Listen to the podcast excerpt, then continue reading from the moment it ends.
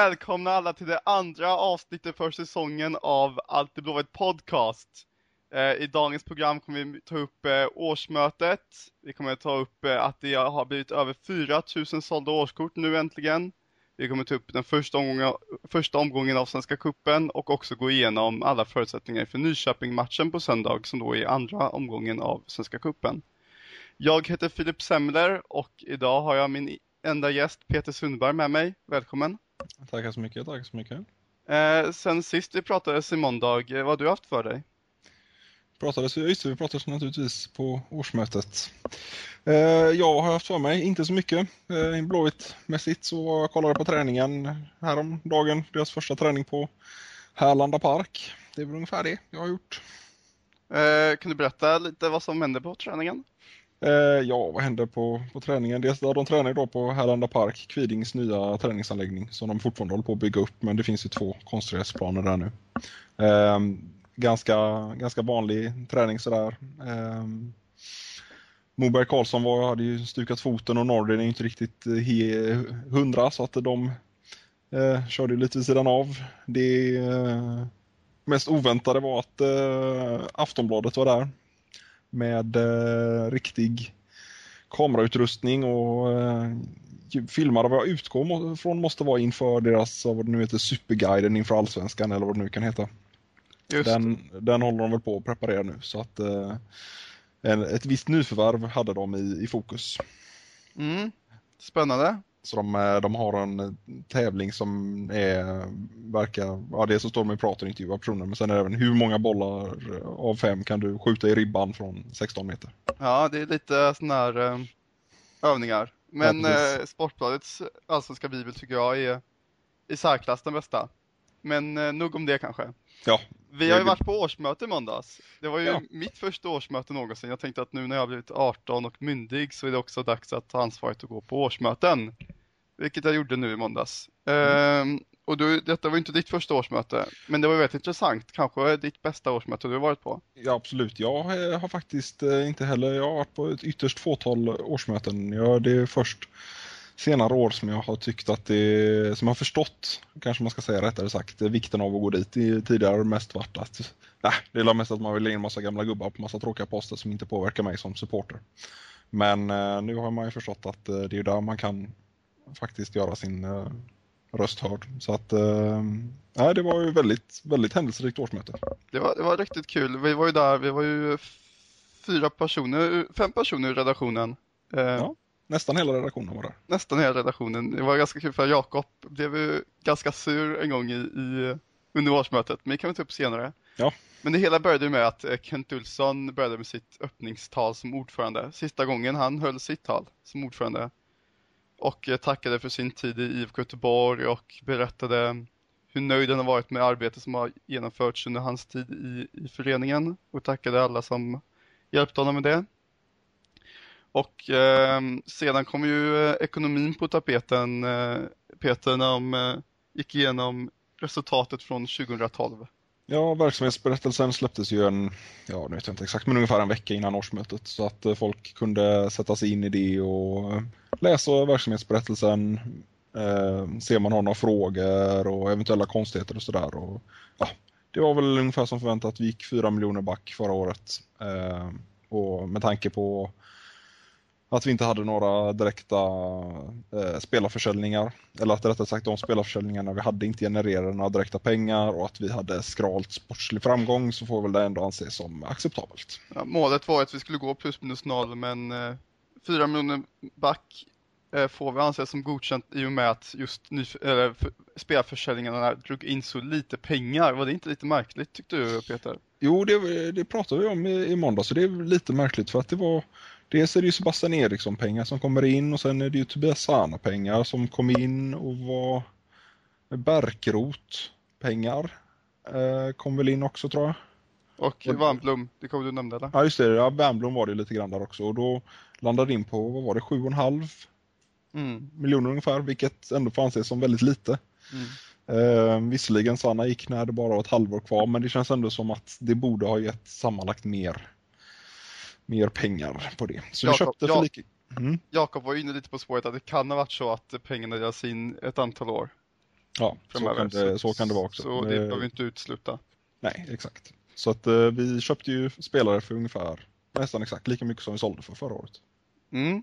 Eh, och sen utsåg, eller ja, utsåg eh, Kent Olsson Martin som klubbdirektör. Och jag träffade Martin eh, tidigare under dagen för att han utsågs redan klockan 11 på förmiddagen. Du kan vi också passa på att uttala hans efternamn för oss som kanske inte riktigt vet hur det uttalas. Ja, Jag ska se om jag, om jag lyckas nu på, på presskonferensen så när Kent uttalade det så eh, tittar Martin på honom och, och log. Men um, Z ska uttalas som TS så då blir det väl Martin, Martin Kurtzvelly. Så var det ja. Berätta.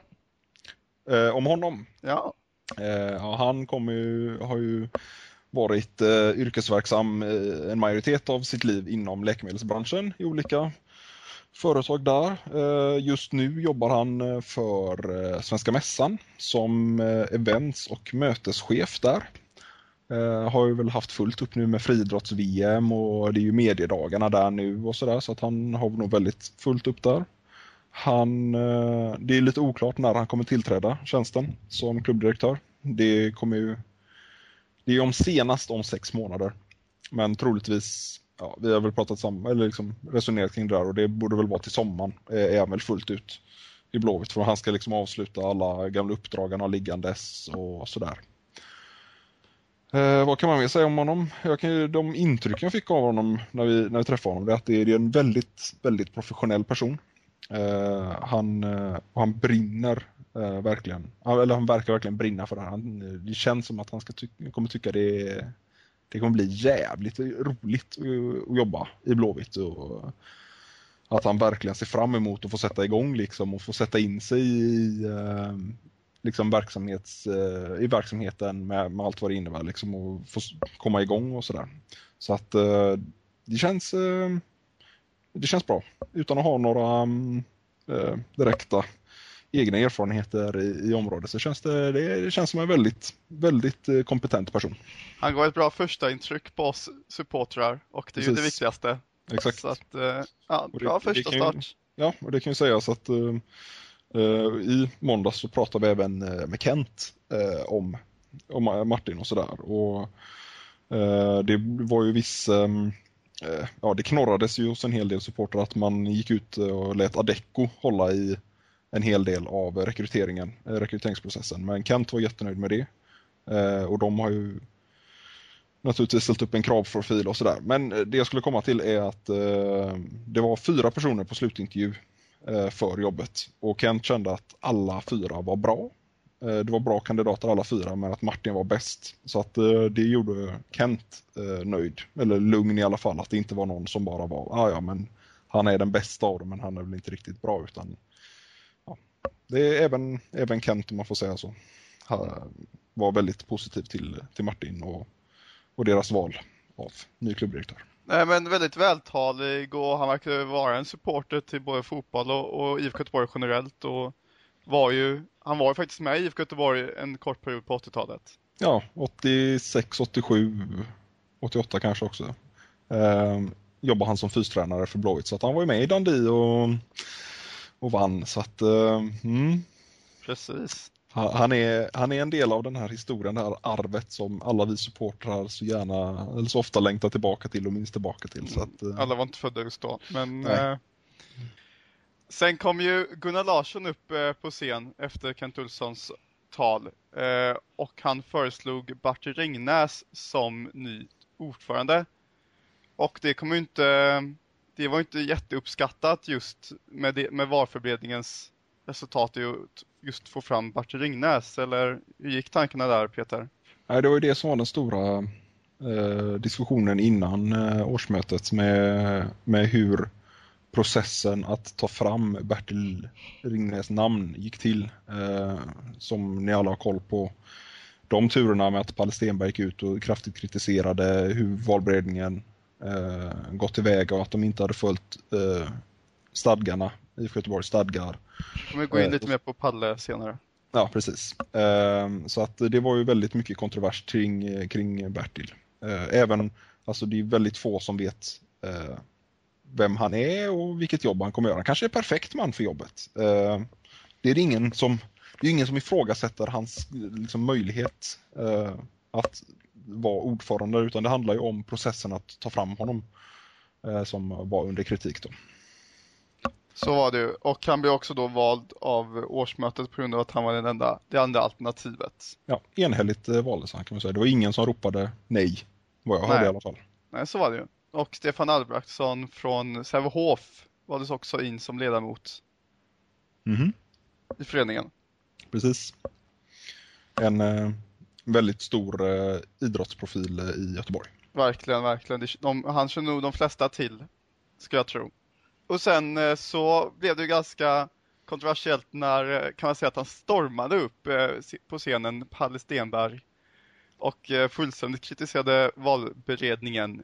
Vill du gå igenom lite vad som hände där, Peter? Ja, det var ju väldigt, det var en väldigt konstig situation för det mötets, eh, mötesordföranden ville, eh, kanske helt korrekt dessutom, att frågorna skulle tas upp i rätt ordning, att man ska välja antalet personer innan man väljer vilka som ska in i styrelsen och sådär. Och Palle verkade väl lite tröttna på det så att han gick sonika bara upp på scen och började prata men blev då avbruten av, av mötesordföranden. Eh, och eh, fick och sa väl mest kort att han inte ställde upp för omval Eh, och sen gick han och satte sig igen. Men då var det ju en väldigt förståndig eh, medlem som har, eh, hade koll på hur sånt här fungerar och valde, eller sa helt enkelt att, eller bad helt enkelt att ajournera mötet i tio minuter. Alltså att mötet tar en paus i tio minuter. Vilket enhälligt röstades igenom och då kunde ju Palle gå upp på scen och så kunde han ge sin, sin syn på hur rekryteringsprocessen hade gått till och att, eh, ja, som vi sa, stadgan inte hade följts och att han var väldigt missnöjd med hur det hade skötts och att han då, det han kände att han kunde göra för att verkligen markera att det här inte var korrekt, det, det var att avgå. Det var ju väldigt intressant för att när han berättade att han var så missnöjd på allting och sen berättade att han inte tänkte ställa upp om, omval på riktigt så, så buade ju hela lokalen. Ja. Då inte åt kanske just Palle men utan varför han var tvungen att ta det beslutet, vilket alla kommer respektera honom för. Precis. Han är en väldigt, eh, eller var får man ju säga nu med när årsmötet har varit, han var en väldigt uppskattad eh, eh styrelseledamot och han är ju en del av den nya generationens supportrar så att säga, om man får säga så. Han är ju inte, han är inte purung Palle. Det, Nej, det, det ska inte. man inte säga, han är ju 40 ungefär. Men, jag tror, Men han, att, jag tror ja. att många supportrar känner igen sig i honom och kanske vill dit som Palle också vill. Och det är väl därför han har så mycket stort stöd framförallt, ska jag tänka mig. Precis, jag pratade med, eh, med Söndagsmackan. Eh, om folk har koll på honom, jag kan inte gå in på vem han är, men han kommer gilla att jag nämner honom. Eh, jag pratade med Söndagsmackan och han sa ju väldigt klokt i det att eh, Palle är ju alltså den personen som man vill ska porträttera Blåvitt liksom. Den här eh, nya, välklädda, smarta entreprenören liksom som har verkligen lyckats i livet så att säga. Det är ju den personen man vill ska porträttera, liksom vara en bild av Blåvitt och kanske inte den gamla trötta gråsossen liksom. Så att, därför blir det ju väldigt, framför i alla fall hos oss yngre supportrar så att säga. Ja men så är det absolut. Ehm, och eh, i och med hans avtog från scen med att eh, han riktade stor kritik mot valberedelsen och mycket annat så blev det så också att eh, Gunnar Larsson tog upp ordet igen och berättade att, Gun att eh, Ulf Ivarsson inte skulle bli omvald. Kan du berätta vem Ulf Ivarsson är och eh, just varför han inte blev omvald? Ja, vem, vem han är har jag faktiskt inte tillräckligt bra koll på för att sitta här och, för att sitta här och förklara. Men han är en, han har gjort mycket för klubben och han är en en viktig röst i styrelsen och um, innan årsmötet så, eller rättare sagt i, där under fredagen så läckte ju eh, Martin Kurtzbergis namn ut i media att det var han som skulle ta över. Och eh, om jag uppfattat det här rätt nu, vilket jag tror jag har, så riktade Ulf väldigt skarp kritik mot eh, Bertil som han anklagade för att ha läckt informationen till media. Eh, och det här var då över mail om jag inte har förstått det hela fel. Och det var väldigt hårda ordalag tydligen och man kallade varandra både det ena och det andra. Eh, som jag har förstått det och då tyckte inte Gunnar Larsson att det var i sann kamratlig anda och för det som IFK Göteborg står för och därför så valde valberedningen att inte eh, nominera eh, Ulf för omval.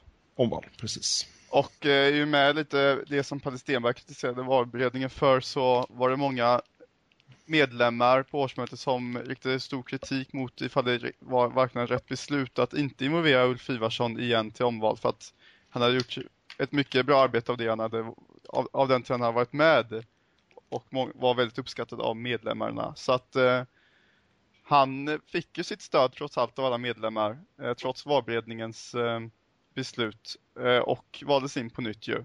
Ja, precis. En medlem nominerade honom och han var ju själv inte på plats så att då var det ju Cefas VD som gick in gick i god så att säga för honom och sa att Ulf är intresserad av att eh, för omval.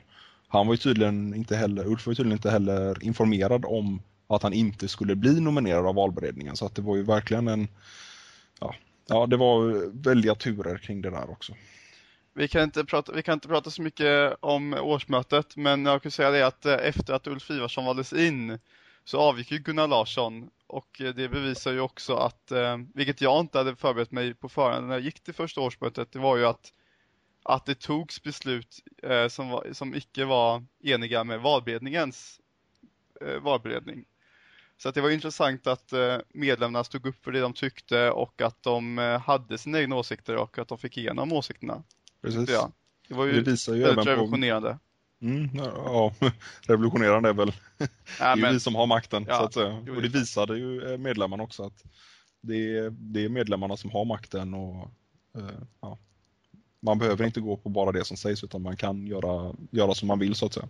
Mm. Gunnar Larsson avgick alltså då när han insåg att de flesta inte var eniga med hans beslut. Och hans... Han kände att han inte hade förtroende hos supportrarna längre, eller hos medlemmarna längre. Och har man inte förtroende då ska man inte sitta på den positionen. Precis. Så att, eh, det var... Han avgick efter 30 år i klubben.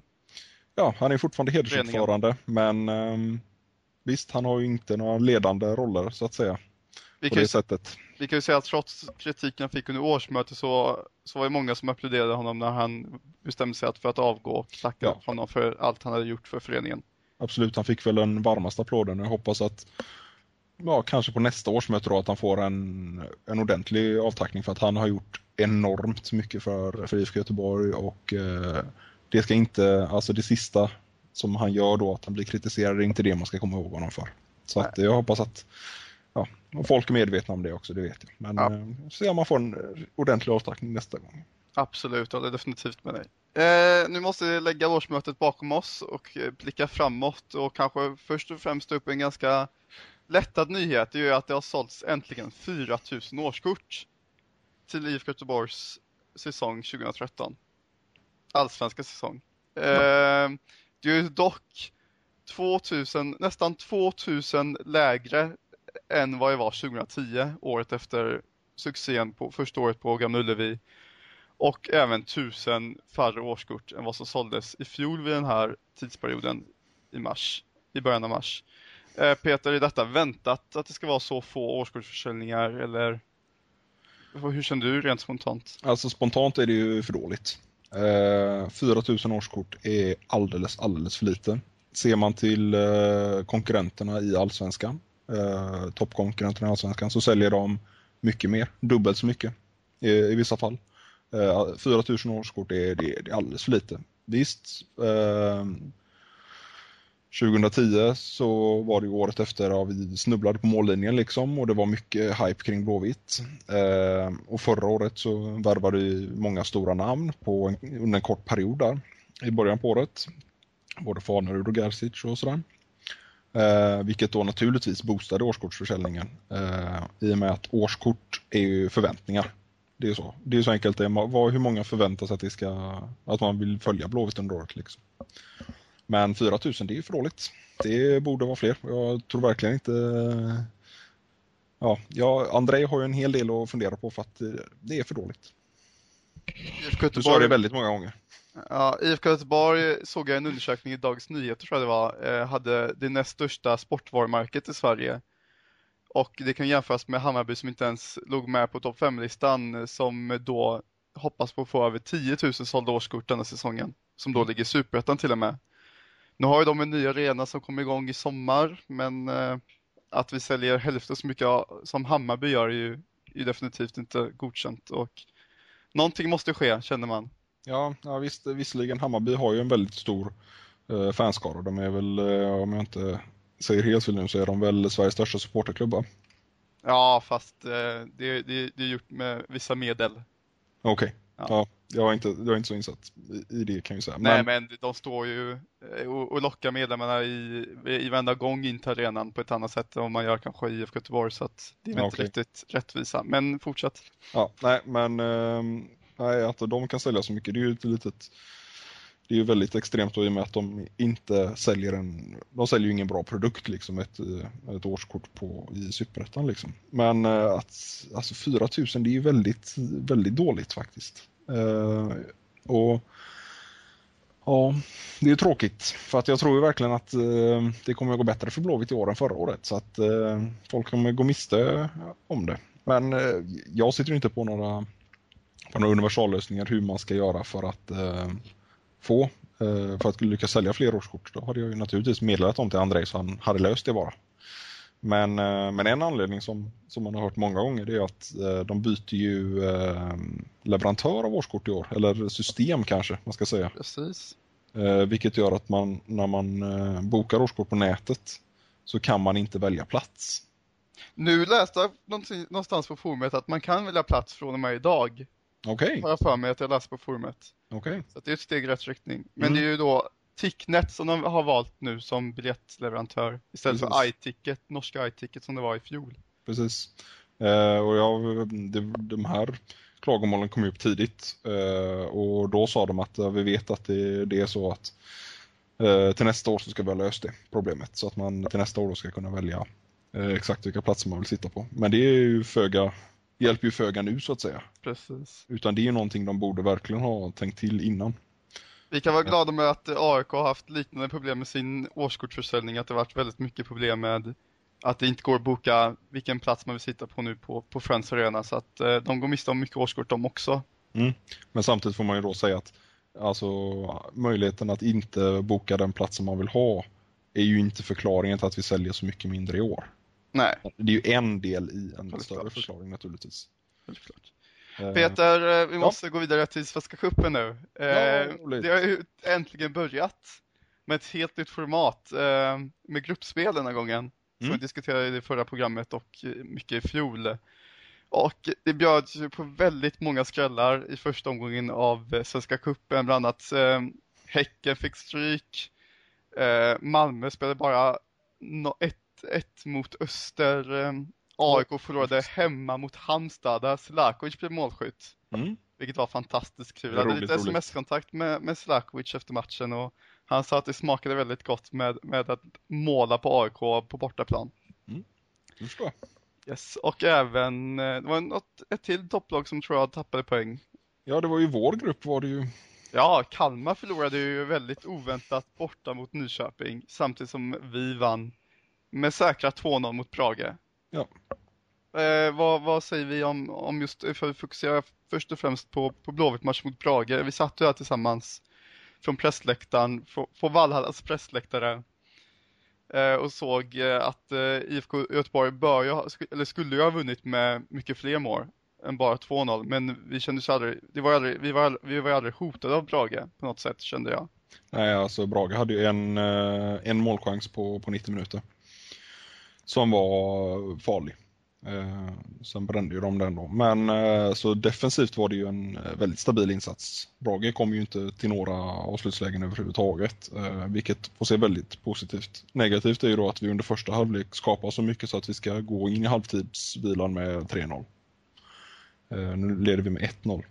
Jag eh. minns att, vi, att det var mycket, mycket oroligheter kring målskillnaden för att vi hade ju gärna velat haft ett par fler mål ifall det skulle nu bli så att vi spelade i en direkt avgörande match mot Kalmar på Gamla Ullevi sista omgången. Eller på Valhalla, ursäkta mig. Eh, där vi kunde gå på ett kryss. Men nu förlorade ju Kalmar så att det gör ju hela saken mycket enklare ifall vi vinner mot Nyköping på söndag. Precis. Samtidigt kan det då vara så, nu har jag ju inte riktigt koll på hur det gick i alla grupperna, men om man då vill komma bland de fyra bästa ettorna av alla grupp, eh, i grupperna så kan ju målskillnaden också spela in där. Mm. Eh, Så att det är alltid bra att göra mycket mål. Så att säga. Men eh, det var en stabil 2-0 seger. Eh, Tobbe gör två, det är ju bra. Att han tidigt har kommit igång med målskyttet så att det inte blir liksom Jaha, när ska det släppa för Tobbe då? Han eh, skapar lägen men sätter inga Precis. likt det var förra året. Så det är ju väldigt skönt. Två Men nickar. Ja, precis. Två nickar. Två snygga inlägg från eh, varsin ytterback. Dyrestam och Augustinsson. Precis. Och, eh, sam men samtidigt då så får man ju se att det är ju bara Tobbe som gör målen just nu. Vi har ju lite andra spelare på plan som också borde göra väldigt- lite mål. Väldigt tråkigt med, med David Moberg Karlsson. Eh, han spelade ju väldigt, väldigt bra mot Brage måste vi säga och eh, skapade en hel del chanser åt både sig själv och resten av laget. Men när det kom i de där avslutningsfaserna så kändes det lite som Hussein 2012. Ja, han drog flera bollar både över och utanför och sådär. Men han Och ju, målvakt. ja, på målvakt. Men han skapar ju Dels så sätter han ju sig i, i farliga lägen på exempelvis fasta situationer och inläggssituationer och sådär. Men han skapar ju även på egen hand eh, lägena så att han får en boll, drar sin back och kommer fri liksom. Eh, så att han gör ju, han sätter ju sig själv i väldigt många rätta situationer. Eh, bra situationer, men sen så saknar han skärpan i avslutet.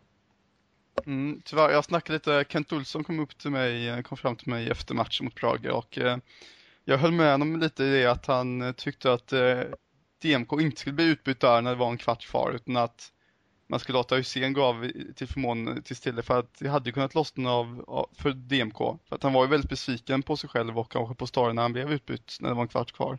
Mm. Tror du att man eh, skulle ha låtit David vara kvar den sista kvarten eller? Alltså, um, nu eh, har man inte sett tillräckligt mycket skarpa matcher med Moberg och sett 90 minuter med honom i år. Eh, men alltså, om man då ser till förra året så är det ju så att han Hans stora problem förra året var ju att disponera sina, sina krafter, eh, vilket gjorde att han brände ut sig själv för fort så att han orkade inte 90 minuter på, på hög nivå. Nu kan det vara så att han har lärt sig lite bättre till i år, men det är fortfarande så att eh, sista kvarten 20 så är han inte, är han troligtvis kanske man ska säga då, eller om man ser till förra året så är han inte lika bra som han är i början av matcherna. Så att han tappar speed och han tappar ork och sådär. Så att, ja, det är, jag kan tycka att det var rätt att byta ut honom faktiskt. Ja, då får vi se hur startelvan blir mot Nyköping. Eh, Sett till startelvan mot Brage, tror att vi ser, kommer vi se några förändringar. Ja du, det är lite, lite oklart kanske. Ehm, Jag satte ganska lågt betyg på Allansson efter matchen. Jag tyckte inte att han kom riktigt in i matchen mot, mot Brage. Ehm, och jag tyckte inte ens han var godkänd från det vi vet att han kan prestera. Nej, du satte underkänt på honom. Ja, hur, hur, hur tror du att vänsterkanten kommer se ut Ja, det är ju... Um, Nordin är ju tillbaka men han kommer ju inte kunna köra 90 minuter. Eh, vilket då återigen lär väl öppna upp för att Salomonsson tar högerytten. Eh, kan man spekulera i, eller det så spekulerar jag. Sen är ju då frågan vilken status det är på Sam. Eh, han eh, fick ju inte starta senast då, han har kört lite ljumsk rehab och sådär i veckan. Ehm, inte något allvarligt men ändå att han inte kanske kan gå helt hundra så att då frågar jag. Alltså, jag tror nog det är en identisk elva som mönstras. Okej, spännande. Jag, jag, jag, jag hoppas på att, att Sam kan få vara med. Mm, ja, han var en väldig energiboost.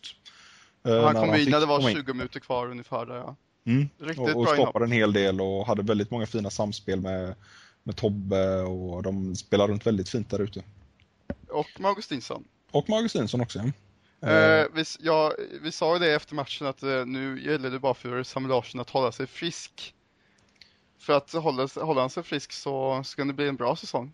Ja, precis. Det, det, är ju, det är ju en av knäckpunkterna för alla unga spelare att man måste bygga upp fysiken. Eh, är man ung så har man inte haft tiden att bygga upp någon fysik på vilket gör att man lättare skadar sig och man orkar liksom inte hålla igång en hel säsong för att man inte har, eh, har den fysiska kapaciteten. Och det har, Sam är ju inte där, det är ju inte Moberg heller, eh, att de kommer kunna köra 30 allsvenska matcher eh, i år. Eh, så att det är någon vecka då jag tror vi spelar Eh, tre matcher på åtta dagar och det kommer inte Sam orka med. Men eh, ja, som det känns nu så känns ju han som den... Är han hel och frisk så ska han ju starta känns det som. Så är det. Eh, nu brukar vi ju alltid ha en scoutingrapport på motståndarlaget så här podcasten innan match. Eh, men så mycket om Nyköping kan vi inte berätta. Jag såg ju highlights dock från Nyköping-Kalmar som Nyköping vann då med 2-1. Men det var mest försvarstabbar av Kalmar som ledde fram till båda målen. Eh, så att jag kan inte direkt säga, jag fick direkt inte något svar av Nyköping från just de highlights-klippen. Det skulle vara någonting ifall du visste. Nej, jag är på samma, samma nivå som dig. Jag har bara sett de highlights-klippen som finns. Och, nej, som sagt, det, det visar mer på ett passivt Kalmar-försvar än ett eh, ja, bra Nyköping. Ja, det, var, det finns en mittback i, i eh, Nyköping som också har mål som heter Kalle Svensson. Och det var många på vårt forum som förväxlade honom med eh, vår egna Kalle Svensson. Men mm. Eh, så är det alltså inte. Denna han... Kalle stavas med C och är 25 år. Han spelar fortfarande kvar i Jönköping Södra antar jag? Det, det tror jag också. Jag har inte hört något annat så att det lär han göra. Eh. Vi kan också berätta att eh, varken IFK Göteborgs webb-tv sänder matchen eller eh, någon tv-kanal. Så att eh, förhoppningarna står sig till att Nyköping lägger upp samma webb-tv som de gjorde mot Kalmar. Eh, det är ingenting av det är klart än så länge dock. Men vi får nej, hoppas att... Först... Nej, som jag har förstått det så ska de ta ett beslut. Eh, alltså, vi spelar in den här på torsdag så det blir då när den kommer ut på fredag. Så att när ni hör det här. Så kan du gå in eh, på forumet? Kan vi... in på forumet, precis. Eller så kan du, har de förhoppningsvis tagit ett beslut i frågan. Mm. Och det vore ju väldigt trevligt om de kunde göra det för alla oss som inte har möjlighet att gå upp till Nyköping. Håller uppdaterade på forumet imorgon kan vi ju faktiskt rekommendera. Precis. Jag ska upp eh, med Erling och gänget faktiskt på söndag. Är det så? Absolut. Bara benarna? Erling, Feldgrau och så var det två stycken andra som, som knappt var några kända tror jag. Jaha, där ser man. Yes. Får, är, det, får... är det en epok som uh, håller på, Nej. som har gått i graven med, med kriget mellan alltid blåvitt och bara ben nu? Ja, det, det, vet jag faktiskt inte riktigt. Jag tror att vi kan få många intressanta debatter i bilen, både dit och hem. Ja, det, det... Även fast det kanske inte kommer bli lika nyanserat och, och, och bra debatt på vägen hem, förhoppningsvis. Men det ska bli kul att se lite skillnaden i längd mellan dig och Feldgrau. Har ni mött med varandra tidigare? Vadå, jag ska ju inte med eller vad pratar Nej, du? men, men Feldgrau är väldigt lång. Ja, han är väldigt lång, ja. Så att det blir intressant att se vem som är längst, men både du och Feldgrau, ja. jag har väl fortfarande ditt, din längd i mitt, i mitt minne. Okej, okay, okej, okay, ja. Han är ju även lite större liksom. Ja, det, det är möjligt. Jag ska inte säga det att han är tjockare, men han är bredare liksom. Han tränar lite mer på gym troligtvis än vad jag gör. Ja. Eh, så han har lite mer muskler på sin kropp än vad jag har. Så att han ser ju dessutom större ut än mig. Mm. Men eh, varje redaktion ska ha en lång man. Lång vis man. Arling har väl nästan lika lång näsa som ni har, höll jag på att säga. vad var det för påhopp? Det gillar ja, han har faktiskt skämtat om den själv en gång i tiden. Ja, det... Så att eh, det är fan han. Han är ju trots allt konkurrent. Ja, de, de är väl det, även om han inte riktigt är så aktiv längre. Nej, Gästspelar lite. Ja, men eh, jag kan ju också säga till alla som lyssnar att köp biljetter för guds skull till avslutningsmatchen i gruppspelet mot Kalmar den 17 mars på Valhalla IP. Det är bara 4000 biljetter, som, 4000 folk som går in på Valhalla så att det är dags för er, att ni, för er som vill gå att köpa biljetter redan nu. För oavsett hur det går på söndag så kommer ju matchen mot Kalmar att vara eh, viktig. viktig, avgörande nästan. Så är det. Och sen kan vi också säga så att Andrei blir glad på IFK Göteborg att köp årskort för guds skull. Ja, får jag vara med på en jäkla resa i Mm. en ny placering. Med en ny sjunde placering. Det var ett jävla försäljningsargument. En, en, en helvetes resa. Ja, nej. nej, jag tror på bättre än sjunde placeringar i år. Yes. Jag måste bara, innan vi, innan vi avslutar måste jag bara säga att eh, jag har ju hört att IFK Göteborg låter spelarna ringa runt till de som hade årskort i fjol och mm. frågat varför de inte förnyat den. Ja, de ringde aldrig mig. Jävlar år. Nej, de gjorde inte. Nej. Men hade du årskort i fjol? Ja, jag har årskort i fjol. Okay, okay. Jag har det inte i år som jag kommer sitta och, på pressläktaren och bevaka med, en majoritet av matcherna. Så det. Jag gör debut på den sittplats. Mm. Kommer gå bananas för match. full varje måndag eller vad? Ja, möjligtvis. Ja. Ja. Ja, du skulle säga någonting om att spelarna ringde runt. Du började den Jo, men eh, det är väldigt intressant att det finns antagligen folk som har dissat spelarna och sagt att nej, inget årskort för mig i år. Mm. Och det visar väl lite på stake för att jag inte, hade inte kunnat säga nej ifall Tobias Hysén ringde hem till mig och bad mig förnya mitt årskort. Nej. Nej, jag läste lite när de gjorde det här för en och en halv månad eller två månader sedan. Att eh, när Nordin fick, eh, fick Ja, en telefon i näven så var det liksom, så ringde han upp en person och så sa han eh, hej det är Nordin, varför får du inte förnya ditt årskort? Ja, det, det, det, det ju- ljuger man ner kanske är det rätta steget att gå. Jag tyckte det var en väldigt härlig inställning. Sen fick han ha ett litet snack med någon på marknadsavdelningen där. Ja. Eh, Om då med André att du kanske ska tagga ner lite Nordin. Jag tyckte det var bara härligt. Ja, Liksom. han är ju fantastiskt, fantastiskt skön Nordin. Vi har haft honom i vår podcast en gång i tiden. Ja, precis. Han ska göra det- det comeback igen. Ja, det tycker jag. Han får absolut vara med, ska vara med under året. Mm. Han har, har ofta mycket kloka åsikter faktiskt. Han har tänkt, han, det är en spelare som har tänkt både ett och två varv angående sig själv och eh, laget och sådär. Ja, just det. Eh, men eh, tack så mycket för att ni lyssnade på oss. Vi hoppas att ni delar med er av podcasten till familj och vänner och varför inte ovänner. Och finns det ämnen ni vill att vi ska ta upp så tar vi gärna emot all feedback och all, Allt alla tips och alla råd och allting sånt. Allt är blåvitt att svenskafans.com.